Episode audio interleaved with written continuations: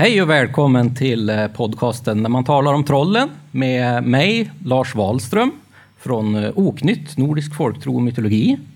Och här har ju jag min eh, vandrande bokhylla, Tommy Kosela som är doktor i religionshistoria.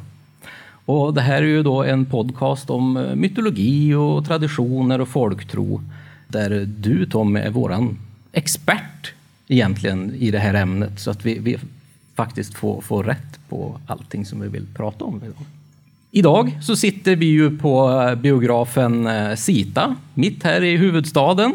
Och det är ju jättespännande. Det här är ju faktiskt Stockholms eh, äldsta biograf som fortfarande är i drift. Startade redan 1913, tror jag att det var. Och det är ju jättekul, otroligt roligt. Och nu är vi ju faktiskt på den här otroligt härliga festivalen Monsters of Film som i år har tioårsjubileum. Det är ju skithäftigt alltså. Och det tycker jag nästan förtjänar en liten applåd. Verkligen.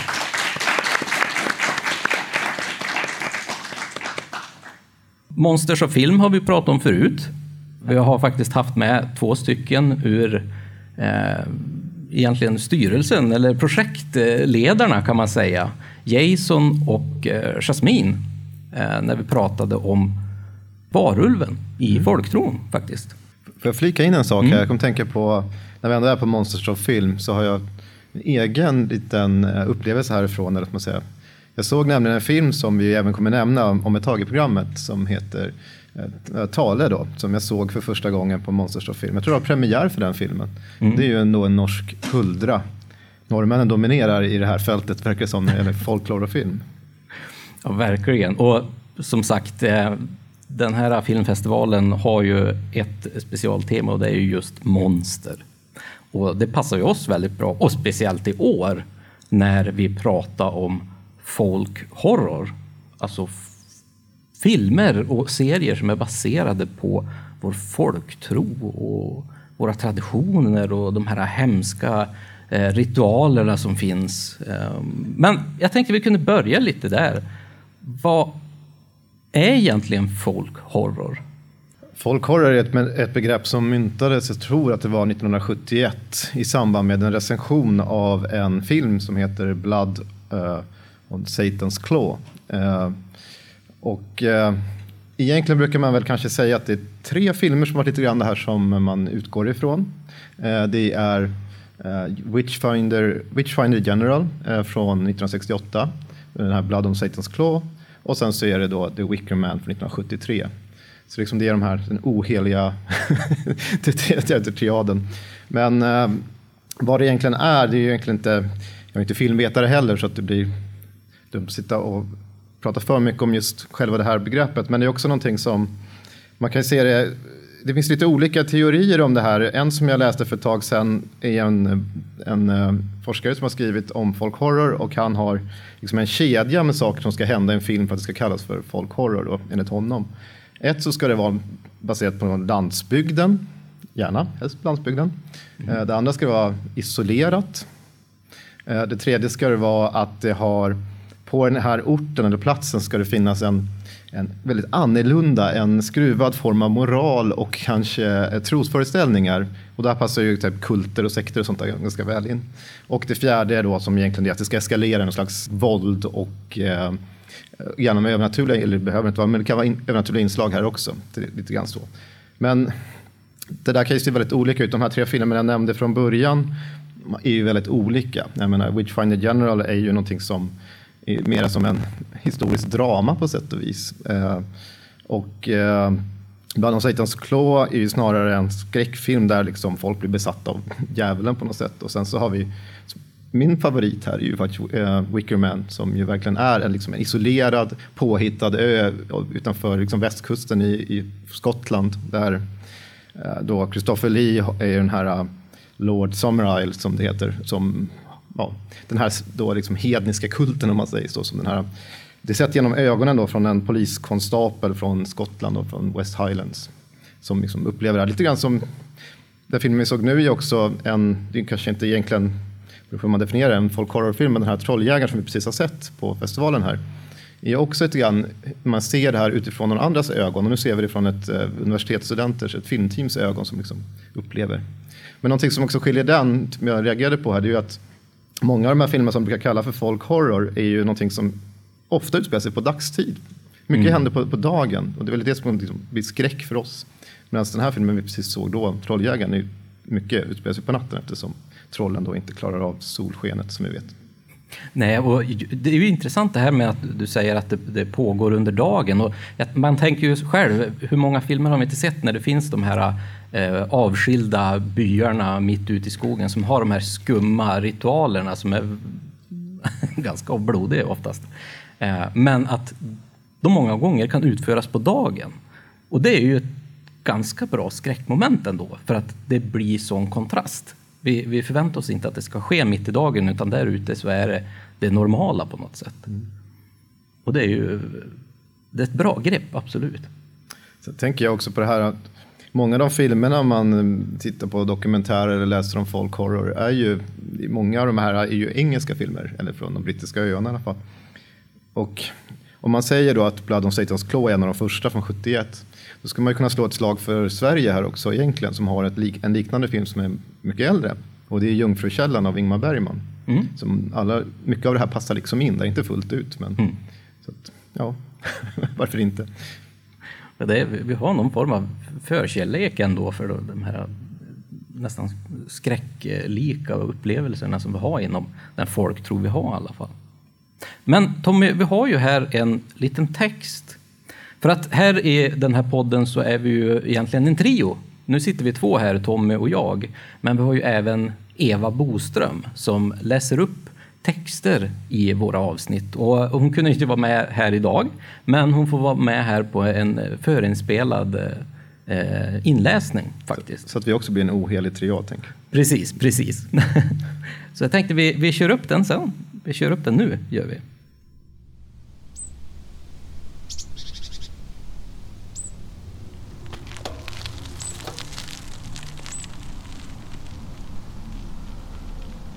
Amanuensen Uno Blidbäck var utsänd från Nordiska museet i Stockholm för att samla in uppgifter om sädesskärors konstruktion i södra Norrland. Egentligen var han hjärtligt ointresserad av detta. Helst hade han velat rikta blickarna mot de folkliga praktiker och magiska bruk som vissa av hans kollegor nyligen börjat studera. Särskilt angelägen tyckte han frågan om kontinuitetet med det fornnordiska var. Men nu gällde det alltså gamla säderskäror. Således cyklade han runt mellan byarna och ritade av eller köpte sådana. Byn Nordanälden låg vackert på en rad höjder med utsikt ned mot Näldsjön. Amanuensen hade ordnat med inkvartering i förväg och fick hyra en prydlig gäststuga hos en bonde. Denne hade otaliga barn som var väldigt livliga. Barn, det var nu inte något som den här närsynte och tankspridde stockholmaren uppskattade alls. Han blev påtagligt irriterad då de störde hans inventering av redskapsbodarnas sädesskäror. För att slippa undan från dem gick han runt ladugårdsknuten och fick då syn på en målning på väggen ner mot sjön. Den var gammal och bleknad. Motivet var en nymåne som speglade sig i vatten. Månen hade krokar av trä längs hela sin ytterkant. Vad är krokarna till för?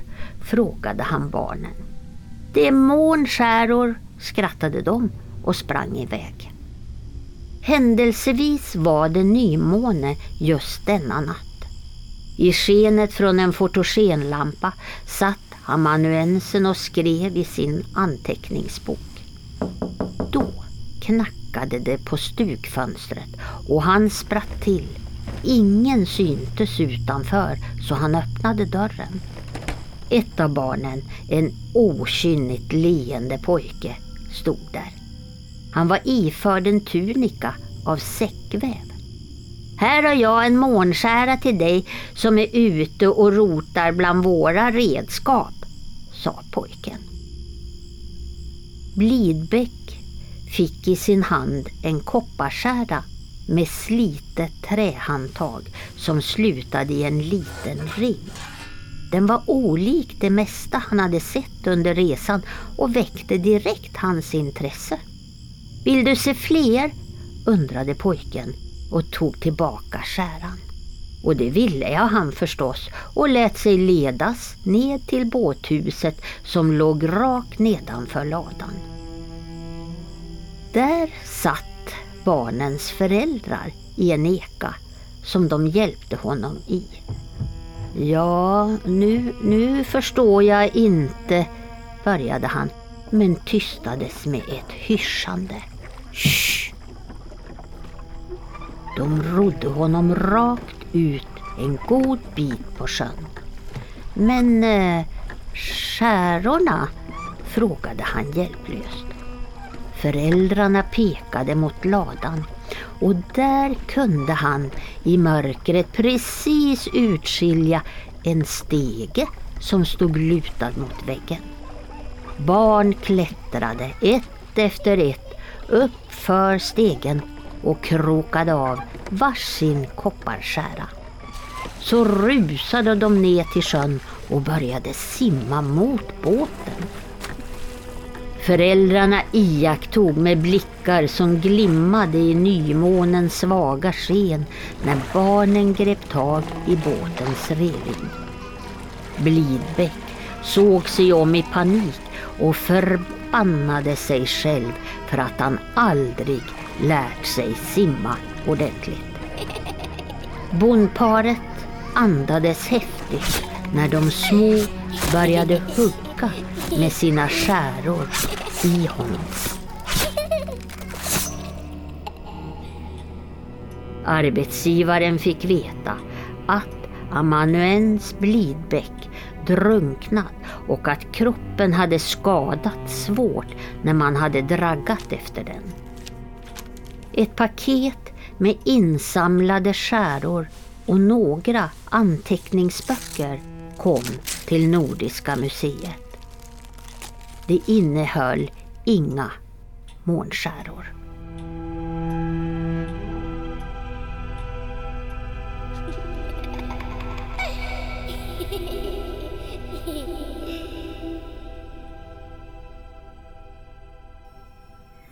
Alltså Tommy, vad är det för någonting med, med barn som är så vansinnigt läskigt? I och för sig, speciellt om de har en massa skäror som de kommer springande och simmande emot det. Ja, hackade i bitar också. Ja, verkligen.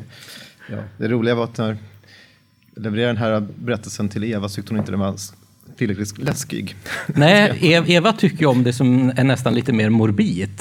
Och, och i och för sig, jag kanske kan hålla med om, eh, speciellt när man har sett eh, Trolljägaren här där han blev uppkäkad av ett troll. Det är ju kanske lite mer blodigt.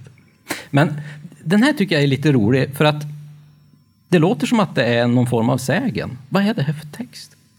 Ja, den här äh, berättelsen är skriven av en vän till mig, äh, docent i religionshistoria. Han heter Per Paxneld. Och häromåret kom det ut då en äh, samling med 44 noveller, gotiska skräcknoveller då, som han har skrivit. Och jag tycker att det här ändå känns väldigt folkhorror om man säger så. Eh, för han har inspirerats dels av folkhorrorgenren men också väldigt mycket av folkliga föreställningar. Så att ehm, Hela boken är fylld av sådana här eh, och flera av dem har ju det här klassiska elementet som att det är någon kult eller någon häx, eh, häxor eller någonting som någon möter på. Just den här tyckte jag var intressant för att dels har vi ju en anknytning till Stockholm där vi befinner oss nu och att någon är utsänd till landsbygden och sen där upptäcker någonting så man inte riktigt får förklarat heller vad som sker här. Men ja, nog är det skräckinjagande alltid. Som barn. Jag, jag kan ju säga som en som bor ute på landsbygden uppe i Norrland så är det precis så där det är. Man ska hålla sig undan barn och inte vara ute på, på sjön på natten. Och man ska inte jaga månskäror om man är från Stockholm. Nej, nej precis. jag tyckte den gav en väldigt bra känsla just när vi pratade om det här med, med folktron och de sägner som ofta de här varelserna och de här ritualerna komma ifrån. Och att den här just är så pass utformad så att den känns verkligen som att det är hämtat direkt ur arkivet på något sätt. Mm. Och det, det, är ju väldigt roligt att, att, att, att eh, vi har det. Men nu är det ju så här, precis som du sa här i början så har vi ju direkt innan vi började spela in den här podden så har vi ju suttit och tittat på en sjukt bra film. För, för sådana som Tommy och jag så är det här en helt fantastisk film att, att, titta på för det finns så himla mycket vi kan sitta och anmärka på. Och det är ju den här äh, Trolljägaren av eh, André Övredal. Och det är en norsk film eh, med en, en... Den är ju byggd upp som en found footage-film där man upptäcker att troll faktiskt finns i Norge och att det är nästan mörklagt av, av staten. Då. Och den här är ju så himla kul, men jag, jag tänkte att vi kan börja lite grann enkelt så här. Tommy, hur, hur illustreras egentligen trollen i den här filmen? Precis som de är. Verkligen.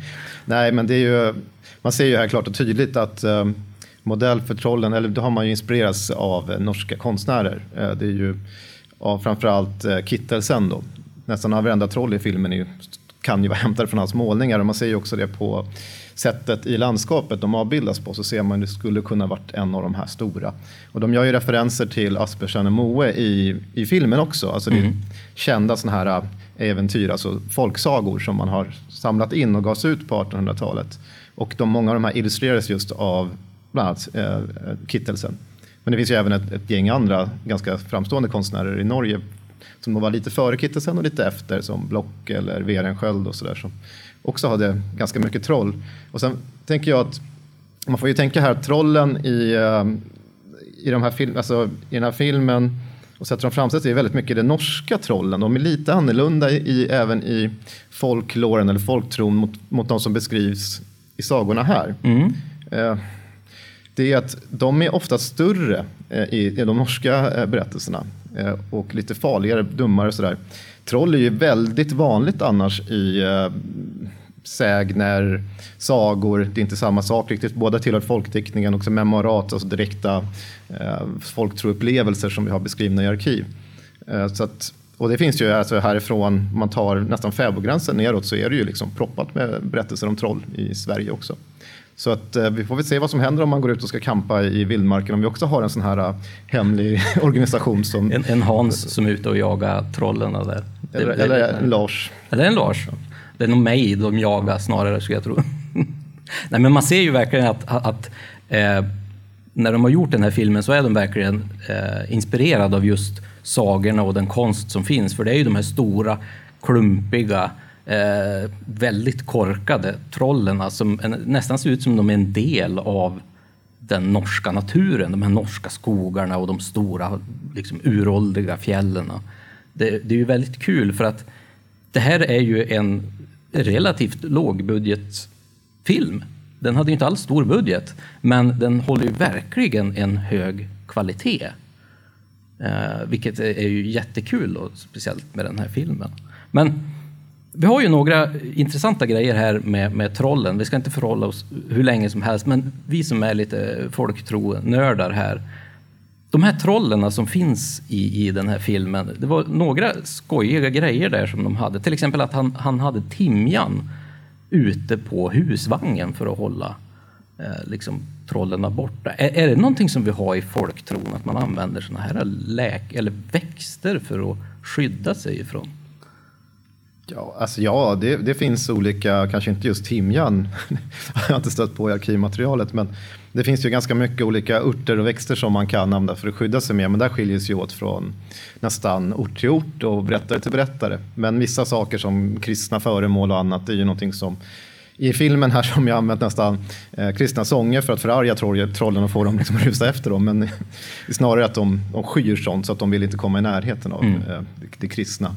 Det, det, finns det ju gott om exempel på. Att de bästa skyddsmedlen är det som kommer från kyrkan egentligen. Ja, och, och som vi kunde se här också att eh, om man vill ta död på de här trollen så verkar ju liksom UV-ljus och solens ljus vara väldigt bra uppenbarligen. Ja, då har vi ju heller inga exempel på arkivmaterial. Det fanns inga solarier där som man kunde Nej, skydda, skydda sig med. Är det, är det en, en, en sago... ehm, del egentligen att, att eh, trollen eh, skyr ljuset eller att de förstenas? Det det är ett ganska gammalt motiv. Eh, Det finns beskrivet redan i så kallade Edda-diktning. Nu går vi tillbaka till de här fornnordiska dikterna i poetiska Eddan. Så finns det en berättelse när guden Tor ställer sig, ja, det finns faktiskt två, på två ställen, men jag tänker på det här med Tor. Då är det en dvärg i det här fallet, men den benämns också att den liknar en turs och turs är ett ord för eh, troll eller jä- jättar. Och eh, då ska Tor kvarhå- kvarhålla den här dvärgen in till gryningen och då blir den ju förstenad. Så att eh, det här motivet är gammalt, det går tillbaka till förkristen tid. Ja, vi ser ju det. Alla de här trollen blev ju förstenad och till och med sprack. Men det var ju snarare en stor explosion. Köttexplosion skulle jag kalla den. Det där med sörja och sånt är lite intressant för det, jag menar, det finns jag vet inte om de, många som har sett ett, död, ett dödat skogsrå, men i beskrivningarna som finns i alla fall så är det ofta som att det är en sörja eller bara lite en pöl kvar efter henne om man har lyckats döda ett skogsrå. Ja, vem vet? Det kanske finns ganska många döda troll ute i skogarna. Kanske därför vi inte ser dem så ofta.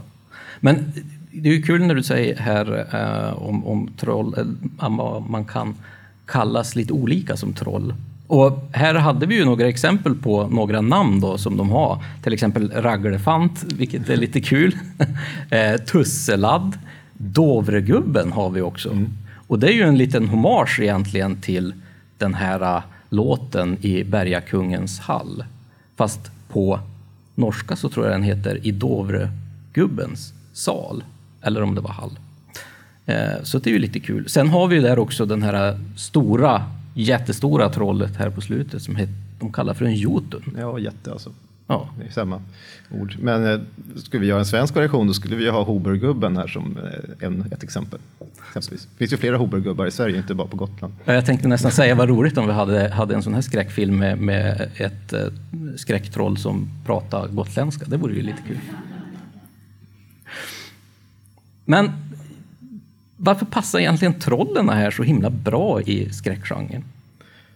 Jag skulle tro att dels i den här kanske genren så ingår ju mycket med landskapen ska bli levande på något sätt. Och vad definierar det här bättre i Skandinavien eller Norden till och med än liksom väsen som har levt där i all evighet?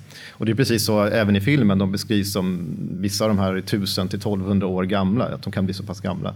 Och sen att de är det är liksom, de är någonting annat. Man, liksom, man vet inte riktigt vad de är ute efter och hur de fungerar och så. Så att jag tror att det är... Och att det finns en, inte minst här i Skandinavien, en koppling. Alla vet ju i princip vad troll är. Eller har hört talas om troll eller sett på i turistbutiker. Man kan köpa ett gulligt troll. Men alla vet ju på något sätt hört talas om troll. Och sen utomlands blir det här äh, väldigt exotiskt och väldigt mycket som man förknippar just med äh, Skandinavien och Island. Ja, och det, det jag tycker eh, är lite roligt just med trollen här i, när vi pratar om skräckfilm är ju att det, som du säger så har vi ju den här sagotrollen, de här små penntrollerna och massa små glada fina rundlagda troll som är väldigt kul att köpa i liksom, turistbutiker och sånt där. Sen har vi också de här high fantasy-trollerna som till exempel vi ser i Sagan om ringen och i Harry Potter och så här. Och det är ju en annan typ av troll, men att här kommer man till någonting som är väldigt liksom primalt nästan när det gäller trollerna. Att det är faktiskt de här som är väldigt skrämmande och att faktiskt i, när vi tittar i de sägner som vi har så används de ju mycket också som ett skräckmedel, de här trollen.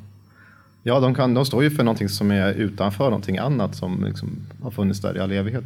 Jag tänkte det här med skräckinjagande troll, är inte ändå de här danska penntrollen väldigt läskiga med sina färgglada hår? Man stoppar en penna i rumpan på som man liksom har på. Jo, de är, de är, ganska, de är ganska läskiga faktiskt. Det är, det är klart. Skulle jag se en 100 meter högt penntroll uppe på fjället så skulle jag ju bli ganska rädd för det också. Det är ju klart. Men det här var ju en, en eh, norsk film. En fantastisk eh, norsk film som gjordes 2010, tror jag. Men det finns ju även fler norska filmer med just det här folktro-temat som också är just den här, den här skräckgenren. Vi har ju något som heter Tale till exempel. Mm. Ja, det var den, eh, precis den jag nämnde här i början. Den kom ju ett, kanske två år efter den här. Och eh, den handlar då om en huldra. Eh, och huldra är ju grovt sagt eh, motsvarar ungefär ett skogsrå i Sverige. Då. Och den här utspelar sig också i modern tid, att det finns en huldra, eller det finns flera stycken. Det är en galen svensk eh, vetenskapsman som forskar på den här. Det är klart det är en svensk galen vetenskapsman, det är en norsk film. Så att, och man får liksom också eh, se, den har också låg budget. Och, eh, I alla fall i mitt tycke så fungerar den här också väldigt, väldigt bra. Mm. Det, det är ett exempel. Sen har du ju två norska filmer som kanske inte direkt har folktroanknytning, men det kan ju kanske dras in här på sätt och vis. Det är ju Död snö 1 och 2. ja, alltså, Fantastiskt. Jag, jag, ser att eh, vissa av er skrattar här i publiken. Alltså det här med nazi-zombies. Vad är det med det egentligen? Varför är det så jädra roligt? Och speciellt här uppe på liksom, de norska fjällen. det är ju lite kul. Kan det bli ondare än ett nazi? ja, jag vet inte. Det tar, det tar liksom två av de värsta saker du kan hitta och trycka ihop dem.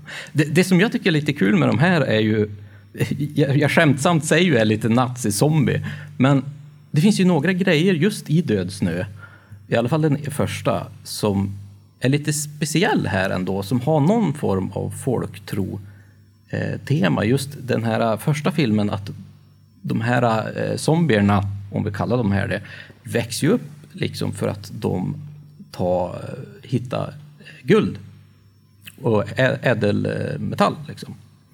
Och att därför så blir man jagad av just de här.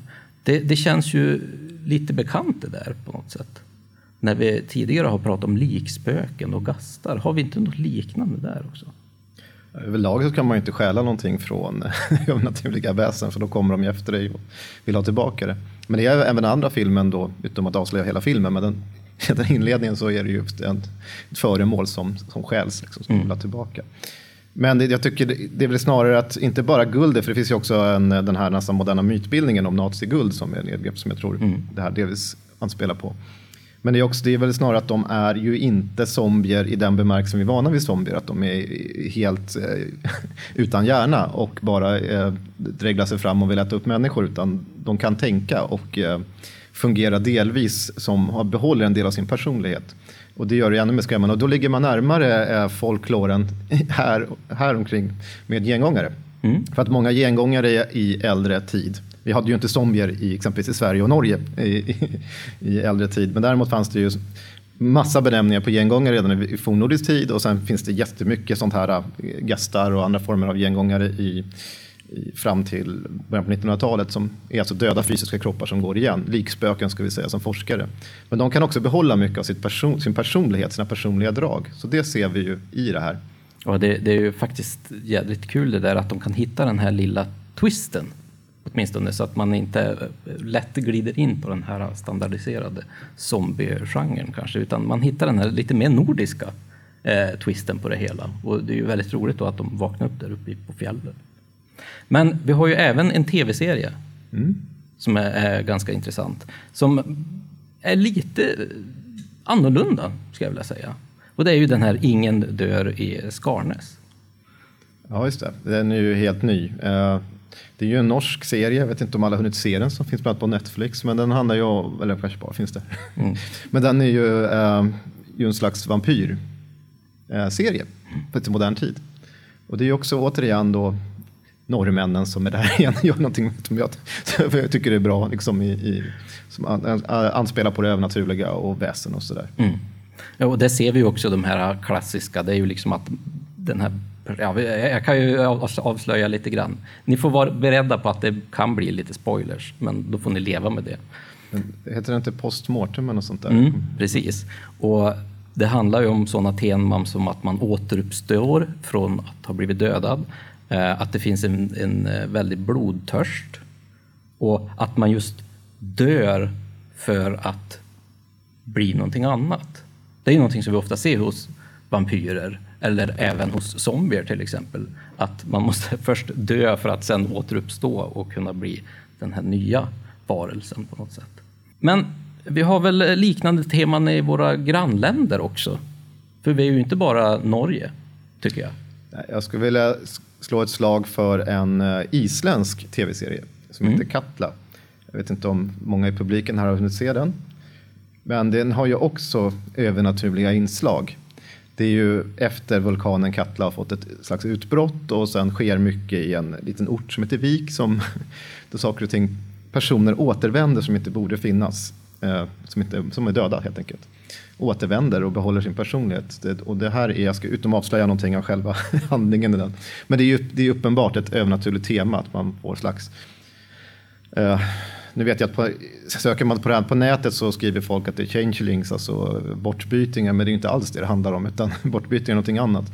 Det här är ju sådana här äh, doppelgänger, alltså dubbelgångar i så fall, om, om det, man ska ha någon slags jämförelse med någonting som har funnits mm. beskrivet.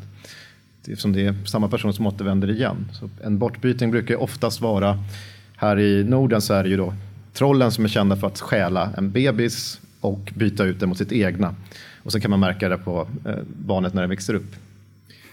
Och det, det, som är väldigt eh, speciellt med den här serien också är ju att man jobbar ju väldigt mycket med den miljö man är i faktiskt. Mm. Att man är här på Island i de här eh, vulkanområdena.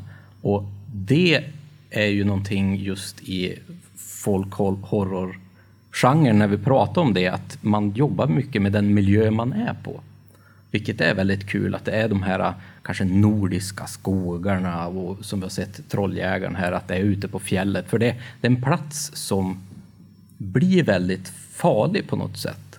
Som vi även ser längre tillbaka i tiden, att det är ju de här äh, platserna som skogen till exempel, det ska man ju absolut inte ge sig ut äh, i onödan för att det var en farlig plats faktiskt. Där kan det gömma sig väldigt mycket som man aldrig har sett förut.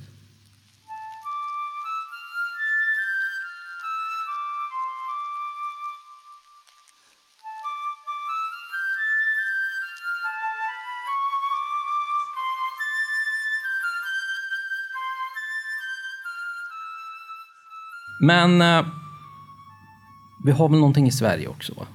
För det är ju ändå där vi sitter just nu. Och jag vet inte om, om det, vi ska säga att det är mycket eller lite. Vi vill ju alltid se att det är mer. Men vi kan ju ta några exempel i alla fall. Vi har ju den här filmen Marianne till exempel. Mm, just det, och det är en film som handlar om uh, maran. Mm. Uh, det är en svensk skräckfilm med just maran som, uh, ja, som själva tema. Det är lite spännande på sätt och vis, för de har ju en känd vers i filmen som är Mara, Mara minne, det får ju vara här inne och så ska man liksom få henne att räkna träden i skogen eller liknande. Men den är ju direkt hämtad från eh, svensk folklore. Så det är ju, den är ju ett exempel. Men det finns ju en radda andra filmer, eh, som sagt, utom att ha koll på alla, men det är ju, finns ju en annan som heter Vittra. Mm. Eh, Vittra är ju som Norrlänningar bredvid mig här äh, med, väl medveten om att äh, det är väl ett av de mest kända och mest dominerande väsena i norrländsk folktradition. Det är ju ett slags underjordiska väsen egentligen som motsvaras av vättar eller de små under jorden eller någonting beroende på vart man bor eller ferries i brittiska öarna eller Hulterfolk på Island. Så att, äh, men i den här filmen har de gjort som en slags man kanske ska nästan säga att det är en svensk äh, Evil Dead. Alltså de här blir någon slags äh, blodtörstiga monster som finns. Men mm. den heter ju Vittra just. Mm. Bara det tycker jag är spännande. Ja, alltså det, det är ju kanske inte jättenära just det, det väsen man pratar om. Men det är ändå roligt att man kan inspireras av det. Och, och speciellt som är som Marianne, alltså att, att man får leka här med den här maran som ändå är ett väldigt gammalt väsen när vi tittar tillbaka i vår folktro och vår mytologi till exempel och våra sagor. Alltså, att man kan plocka det här skräckinjagande väsendet faktiskt. Jo, alltså både, både mara och troll är ju sådana ord som vi hittar i den fornvästnordiska diktningen. Mm. De går ju tillbaka till eh, vikingatid. Mara är ju som äldst förekommande i en skaldedikt som heter Ynglingatal. Så det är det ju då är det via trolldom, en person som blir trampad till, ja, till döds av en mara. Då. Vi har ju faktiskt gjort ett eh, helt avsnitt om maran, men du kanske, varför är egentligen maran så skräckinjagande? När är man som mest försvarslös? Det är när man ligger och sover och i sin säng i sitt hem och att någonting kommer in och hotar dig där och till och med i värsta fall vill se dig död. Det här är ju någonting som kan tas till uttryck av en, oftast är det en kvinna, det finns faktiskt manliga maror beskrivna i folktron också. Inte alls lika känt, men de flesta är ju kvinnliga väsen. Och då kan det vara avund eller någonting annat som gör att en kvinna oftast mot, inte är medveten om det själv alltid, sänder ut en del av sig själv, en del av sin själ skulle vi säga då, då till att bli den här figuren som sen kan ta sig formen av ett djur eller en gammal, gammal gumma eller en i vissa fall, när det är manliga erotiska fantasier vi pratar om, så är det en sexig ung kvinna som kommer naken och då kan man, om man är snabbtänkt, eh, korka igen stället de kom in så kan man gifta sig med henne och vara jättelycklig tills man börjar bråka någon gång och eh, ska visa henne vart de kom in en gång i tiden och visa det här hålet och då försvinner de för all evighet. det finns ju också. Det låter ju lite... Jag skulle inte direkt kanske lyfta in det i en riktig skräck. Det är inte det Marianne i alla fall, så vitt jag vet. Nej, nej. Men så är det ju så här att vi har ju också våra heter, um, vampyrfilmer. Mm. Och det är ju Thomas Alfredssons Låt den rätte komma in som är väldigt eh, populär. Är den ju. Ja, alltså, överhuvudtaget så är det Jan Öjvind Lindqvist som har skrivit de här. Han ju, har ju gett också upphov till en trollfilm. Men Låt den rätte komma in är lite kul, för det är ju modern tid. Det är Blackeberg i Stockholm och eh, ja, jag tror att många har läst eller sett läst boken eller sett någon av filmatiseringarna. Det finns ju två.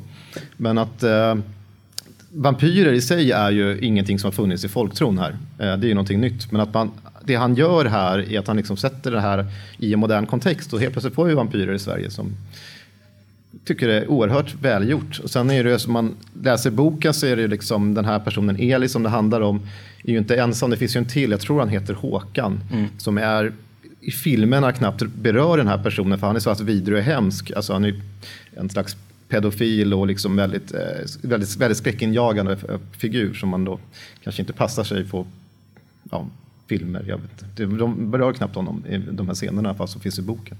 Som jag tycker är de hemskaste i, i hans bok. Sen har vi ju många fler också. Alltså vi har ju en som heter Häxan och det är en som handlar om tomten och jätten.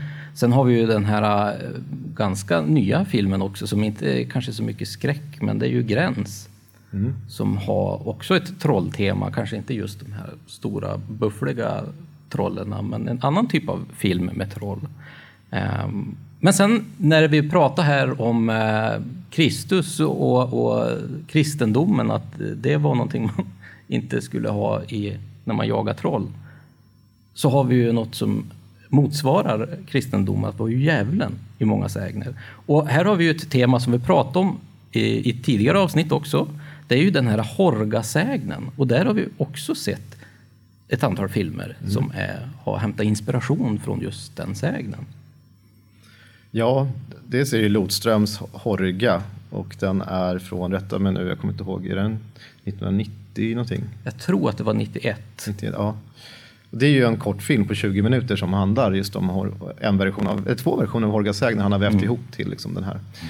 Och sen så, ja, kommer vi komma in på det, för det är väl ofrånkomligt när vi pratar om folkhorror och så. En film som ska utspela sig i Sverige, eller sägs utspela sig i Sverige i alla fall, och det är ju filmen Midsommar. Och där, där i så har vi också eh, en del av när Horgasägnen invävd i massa annat i den här filmen. Mm. Men när man tittar på den, vi pratar ju mycket här om sägner och de uppteckningar upp, vi har och de berättelser som finns. Men när vi pratar om Midsommar, det är ju den här äh, skräckfilmen som har mycket element, men hur mycket av de elementen är det som vi faktiskt kan koppla till vår folktro egentligen? Ja, det är ju en stor...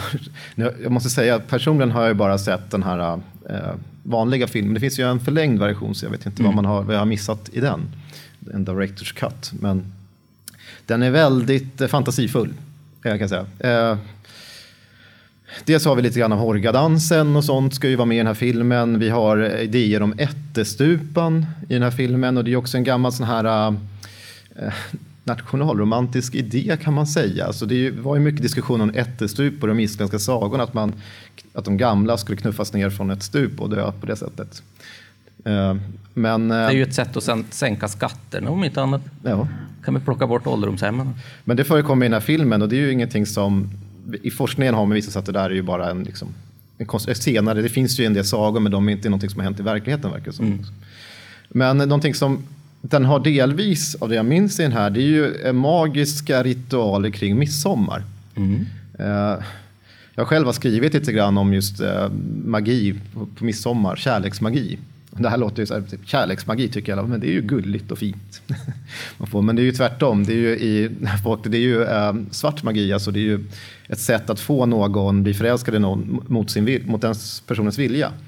Och det är oftast unga kvinnor som gjorde saker och ting med att man ska då traktera den mannen man är ute efter med en dryck eller rätt och den kan innehålla saker som eh, kvinnans re, eh, reningar, det är ett fint ord här då.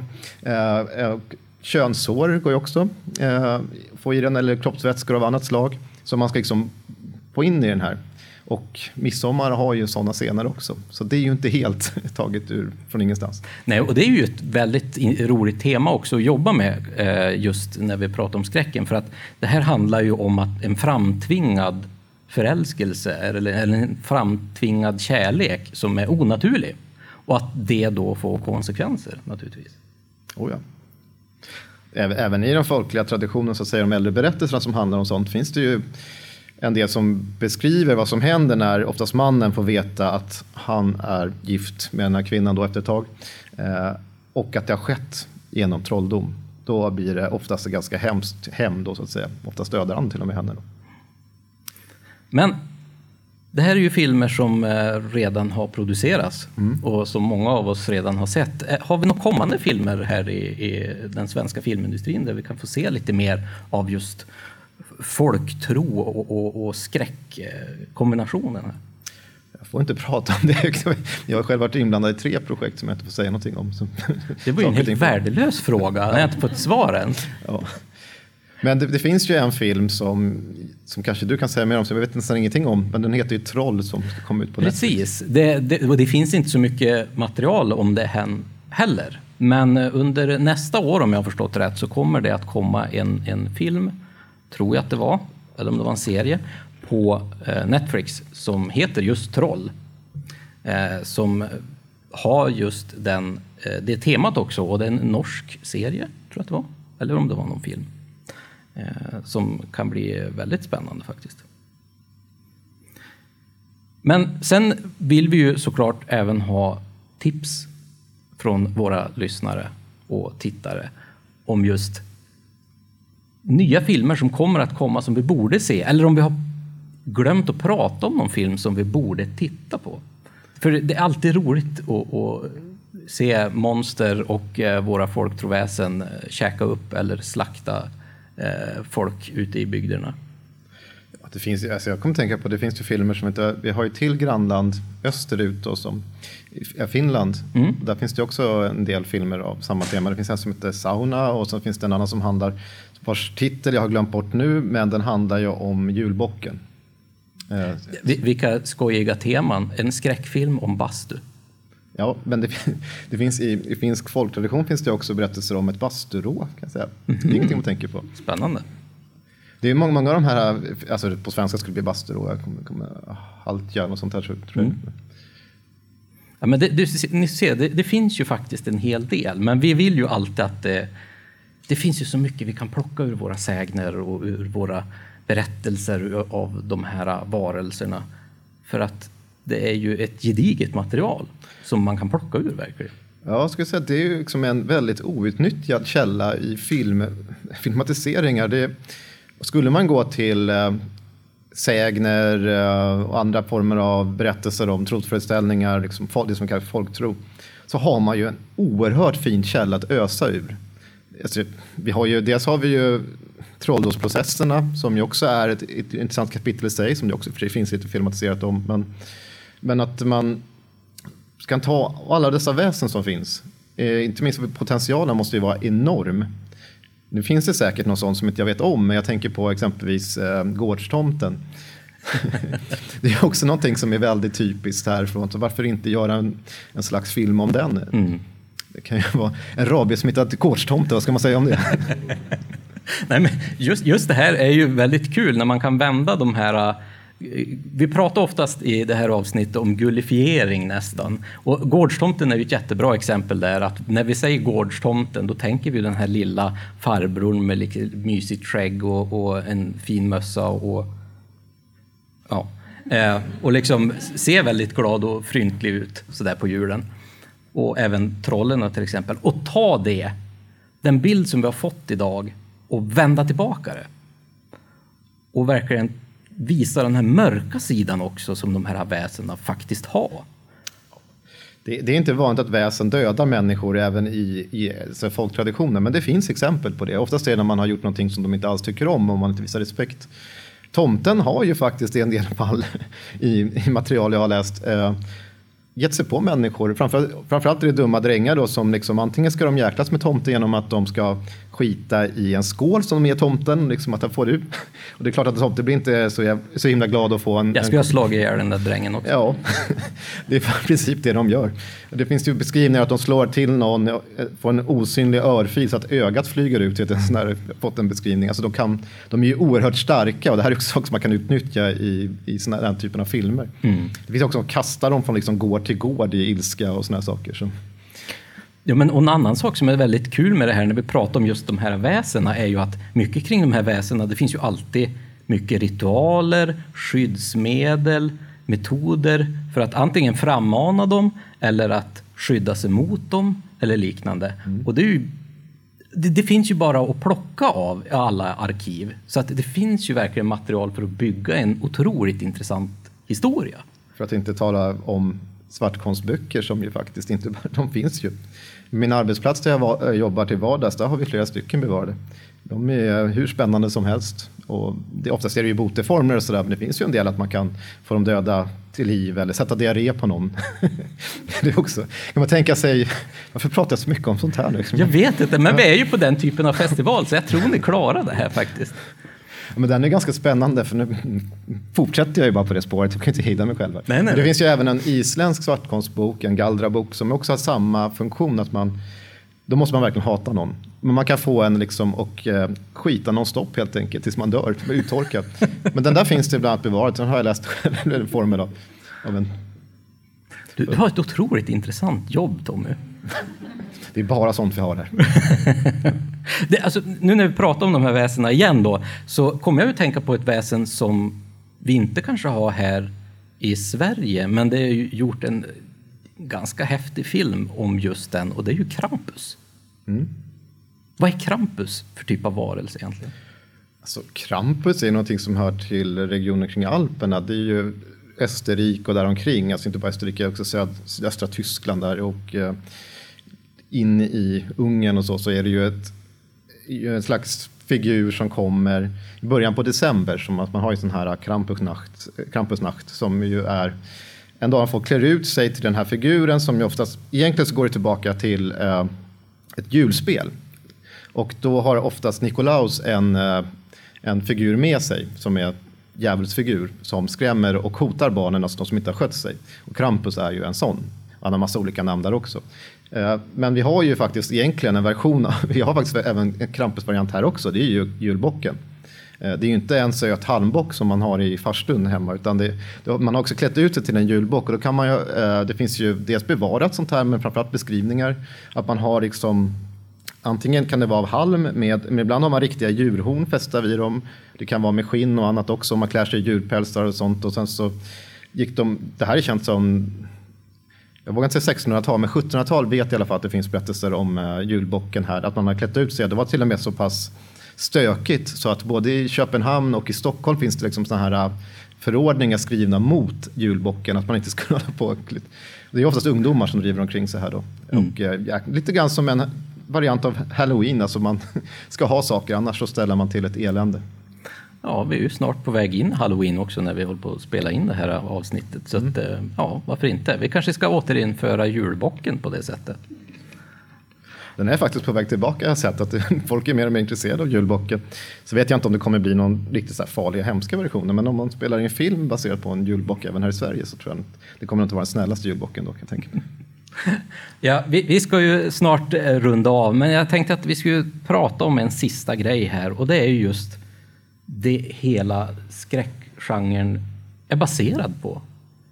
Och faktiskt mycket av våran folktro och det är ju just rädsla. Varför, varför, varför, varför, vad är vi rädda för egentligen idag? Ja, det, det skiljer idag. Ja. Ja, alltså det, idag är vi ju väldigt sådär individorienterade och kanske mer rädda för sånt som berör en själv på ett annat sätt än, än tidigare. Alltså att man gör bort sig och sådana saker, men det kanske inte är så spännande att göra en skräckfilm av. men också miljöförstöringar och den typen av eh, katastrofer. Större. Men det som mycket folk tror man säger, så då tänker vi oss 1800-talets eh, allmogesamhälle, då är det mycket naturen som är laddad. Och jag menar, inte bara, det är inte bara rädslor som folk tror vi baserat på, utan det är bara en del av detta. Men då är det mycket att man inte vet vad som finns där ute. Alltså, så kommer man utifrån hemmets härd så är ju naturen liksom laddad och besjälad av olika saker. Och man vet inte vad granngården, finns det någon som är trolldomskunnig där? Det finns alltså makter i rörelse som man inte har kontroll över. Och det, det är sånt man ser mycket. Och det kan man ju faktiskt tänka sig att den biten har man ju tagit i, i filmatisering av folkhorror på sätt och vis. Man har tagit, det är ju det som liksom blir levande. Nu är ju oftast inte folk kanske rädda för det i den bygden som det handlar om, men den som kommer dit blir ju direkt medveten om detta. Man tar Wickerman igen då, som mm. ett exempel. Så kommer den här konstapeln dit och han är ju kristen och sådär och blir helt förfärad över det som försiggår där. Men för dem är det ju helt naturligt att man liksom återföds och det är liksom det är någon slags eh, vikansk eller kanske inte ens om det, det är någon slags hednisk kult som finns där då.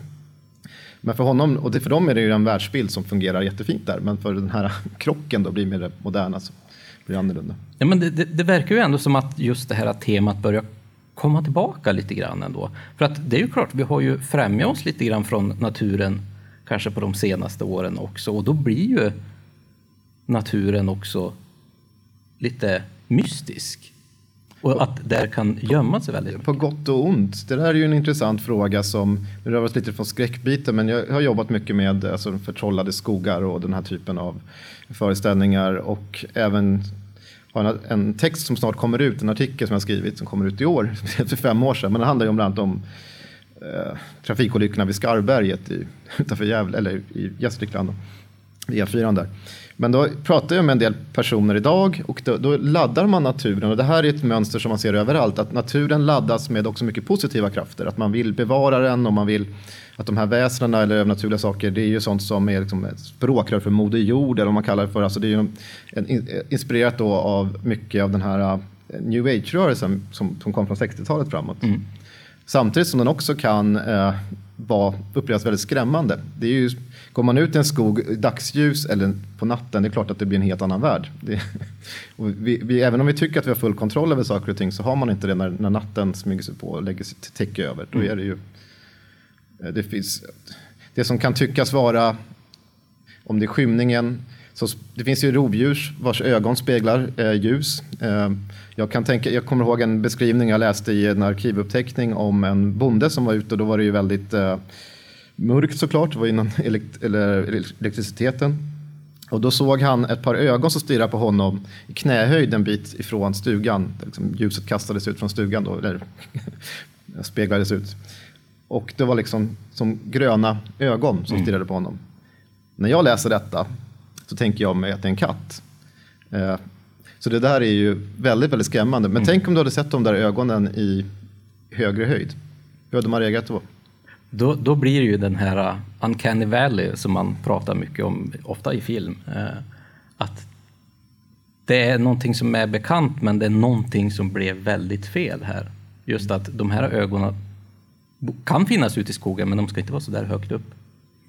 Och det finns ju ganska mycket i skogen som man, man kan bli väldigt rädd för. Till exempel om man, om man har varit ute i skogen och aldrig hört ett rådjur eller en räv skrika.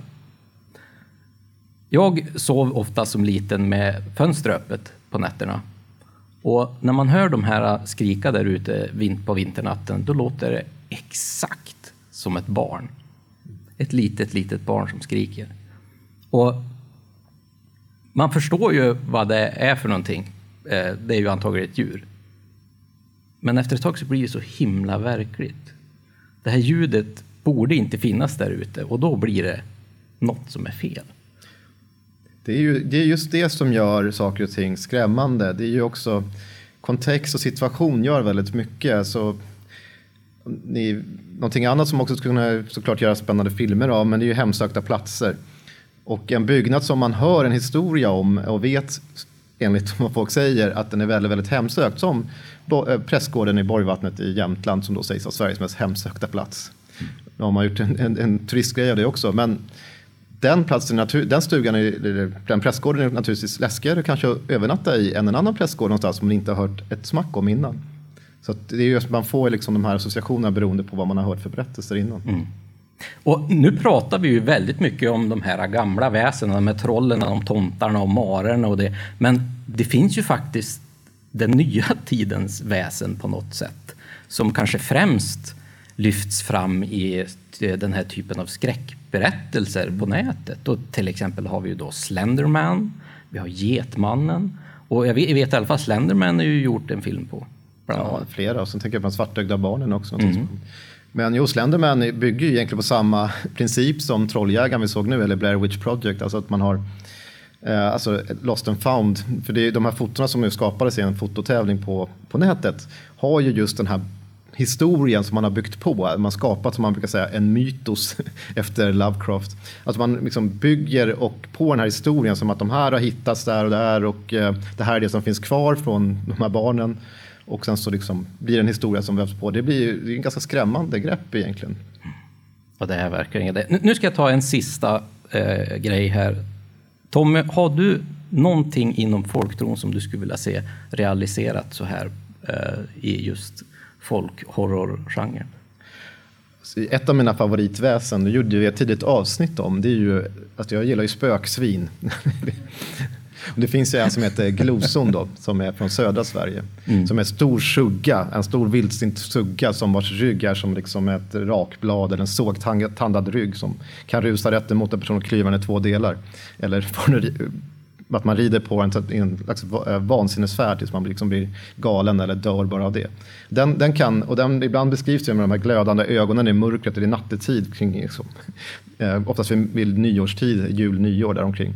Så den kan jag tänka mig skulle bli ett oerhört häftig gestalt på film. Du vet, det finns en film som heter Bore som är ganska dålig. Men eh, det, det, handlar om ett riktigt stort monstervildsvin. Men just när det gäller gloson så finns ju även en hel del ritualer där också som man kan koppla till. Och det finns ju liksom så mycket man kan bygga runt de här olika väsena så att det bara bygger ut. En varelse som jag skulle vilja se så här realiserad, det är ju det här som vi pratar om som är en myling. Mm. Vad är en myling?